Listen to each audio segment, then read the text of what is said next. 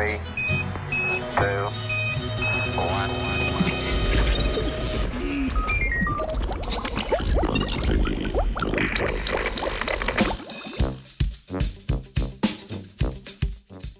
V znanstvenem Britofu tokrat o aj-motivih v živo.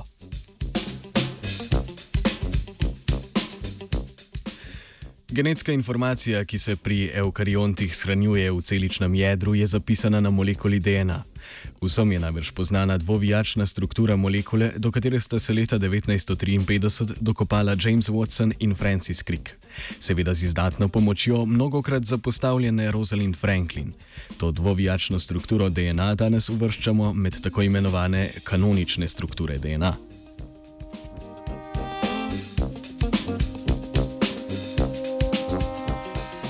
Nadaljne strukturne študije nukleinskih kislin so kaj kmalo po odkritju kanoničnih dvovijačnih oblik DNA pokazale na obstoj drugačnih, tako imenovanih nekanoničnih oblik DNA. Te se od kanoničnih razlikujejo predvsem v svoji tridimenzionalni zgradbi.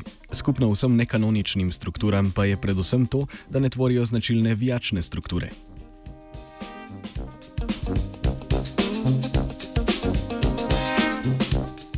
Ena izmed nekanoničnih struktur DNA je tako imenovani aj-motiv.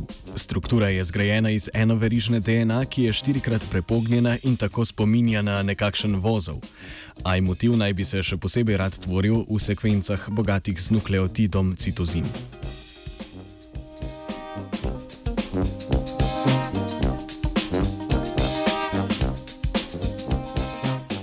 Strukturne in biofizikalne študije nekanoničnih struktur DNA navadno potekajo na sintetičnih modelnih zaporedih DNA, zato je ključno vprašanje, ali te strukture sploh obstajajo v živi celici.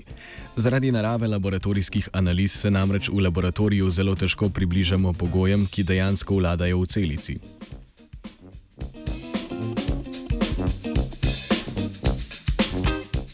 Nedavno je avstralskim raziskovalkam in raziskovalcem uspelo dokazati, da se nekanonična aj-motiv oblika DNA nahaja tudi znotraj jedra žive celice. V ta namen so raziskovalci pripravili molekulo proti telesa, ki se je specifično vezala izključno na aj-motiv obliko DNA. S pomočjo fluorescenčnih oznak so na to na aj-motiv vezana proti telesa zaznali s pomočjo fluorescenčne mikroskopije. Proti telesa vezana na aj-motiv DNA so tako lahko locirali znotraj celičnega jedra.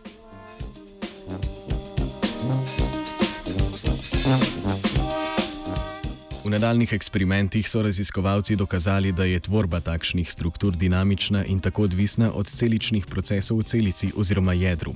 Slednje daje veljavo do zdajšnjim ugibanjem o pomenu nekanoničnih struktur pri regulaciji celičnih procesov. Raziskava avstralskih raziskovalk in raziskovalcev predstavlja pomemben mejnik pri študijah nekanoničnih struktur DNA v celici, saj kaže na to, da so te v celici dejansko prisotne in lahko svojo dinamiko pomembno vplivajo na celične procese.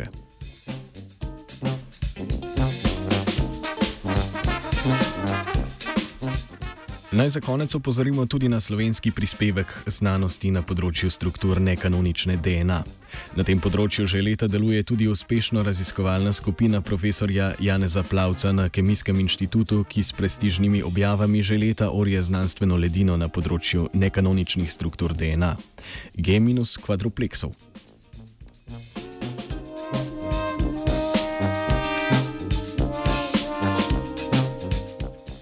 DNA se včasih zavozla tudi Urošu. Madonca, to je pa že preveč. Preveč komplicirano. A ne?